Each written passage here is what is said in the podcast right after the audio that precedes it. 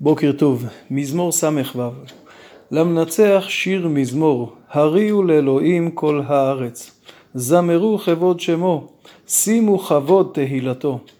אמרו לאלוהים מה נורא מעשיך, ברוב עוזך יכחשו לך אויביך. כאשר מתגלה כבוד השם אז גם האויבים מפחדים ומכחשים מתחזים כאוהבים מפחד השם. כל הארץ ישתחוו לך ויזמרו לך, יזמרו שמך סלע. הפסוקים הללו הם מהווים קריאה לכל הארץ, כל הארץ רוצה לומר כולל הגויים, להריע לקדוש ברוך הוא, להכיר במעשיו ובמפעלותיו. על מה ולמה? לכו וראו מפעלות אלוהים, נורא עלילה על בני אדם. הפך ים ליבשה, בנהר יעברו ורגל, שם נסמכה בו. הפסוק הזה רומז כמובן לקריאת ים סוף, לחציית הירדן, ומסיים שם נסמכה בו, שם כלומר בארץ ישראל, כמו אז שחצו את הירדן בכניסתם לארץ, כך גם עכשיו נשמח כאשר נחזור בחזרה לארץ ישראל כפי שמיד נראה. מושל בגבורתו עולם, עיניו בגויים תצפנה, הסוררים אל ירומו למוסלה.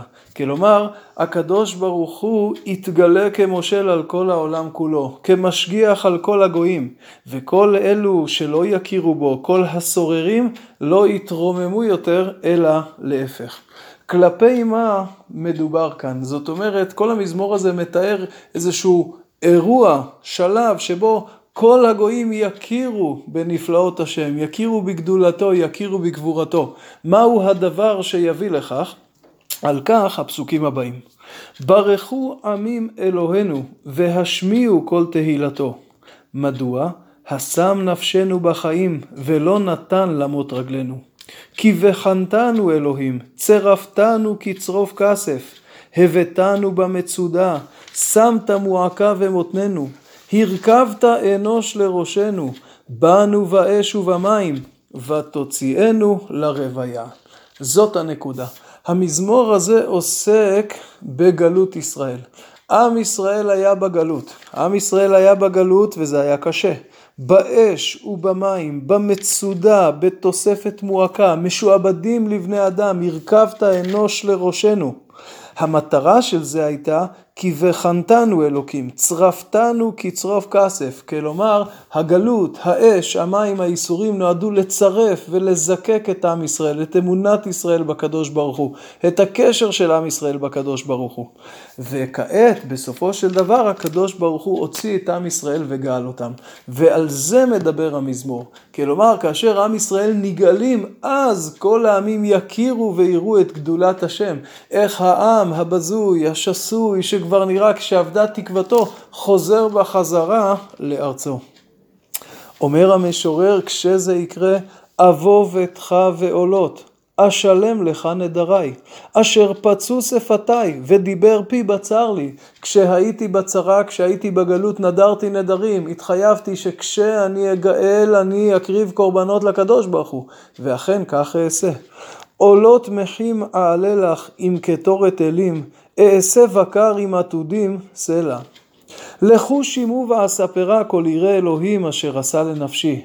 אליו פי קראתי, ורומם תחת לשוני. אבן אם ראיתי וליבי, לא ישמע אדוני.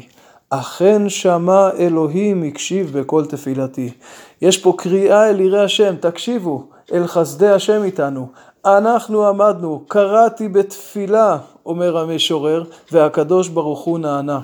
אבן אם ראיתי בליבי, מסביר המצודות, לפעמים עלו לי בלב מחשבות חטא. זה לא היה פשוט, זה לא היה קל, אבל כל זמן שזה נשאר בלב, לא ישמע השם. הקדוש ברוך הוא כביכול יתעלם. מפה למדו חז"ל שמחשבה רעה אין הקדוש ברוך הוא מצרפה למעשה, בניגוד למחשבה טובה. הסבר אחר לפסוק הזה מציע חנן פורת ואומר כך, אבן אם ראיתי וליבי לא ישמע השם. כלומר, כשאני עומד בתפילה לפני ריבונו של עולם, אם הלב לא טהור, הקדוש ברוך הוא לא ישמע את תפילתי. ואכן שמע אלוקים, הקשיב בכל תפילתי. זו עדות על כך שכשהתפללתי, זה היה תפילה מכל הלב בטהרה. ברוך אלוהים אשר לא הסיר תפילתי וחסדו מאיתי. המזמור הזה, אם כן, הוא מזמור תודה על חסדי השם, ששמר על עם ישראל בגלות בניגוד לכל תרחיש הגיוני, ובסופו של דבר גאל אותם. ויש פה דבר מאוד מעניין, הקריאה היא לא רק לעם ישראל, הקריאה היא לכל העמים. כל העמים צריכים להודות על גאולת ישראל ולשמוח בה. א', בגאולת ישראל כולם יראו ויכירו בגדולת השם, אבל יותר מכך, גאולת ישראל היא ברכה לעולם כולו. כמו שהרב קוק אומר בפתגמו לחודש ניסן, יציאת מצרים תישאר לעד האביב של כל העולם כולו. כשעם ישראל חוזר לארצו, כולם צריכים להלל את הקדוש ברוך הוא, כי זו ברכה לעולם כולו. כשהם היו בגלות, אז זה לא היה פשוט, תפקידה היה לצרף ולזקק, אבל בסופו של דבר הקדוש ברוך הוא הוציאם וחזרו בחזרה. נסיים רק לומדי הדף היומי זוכרים את הפסוק האחרון של פרקנו ברוך אלוקים אשר לא הסיר תפילתי וחסדו מאיתי.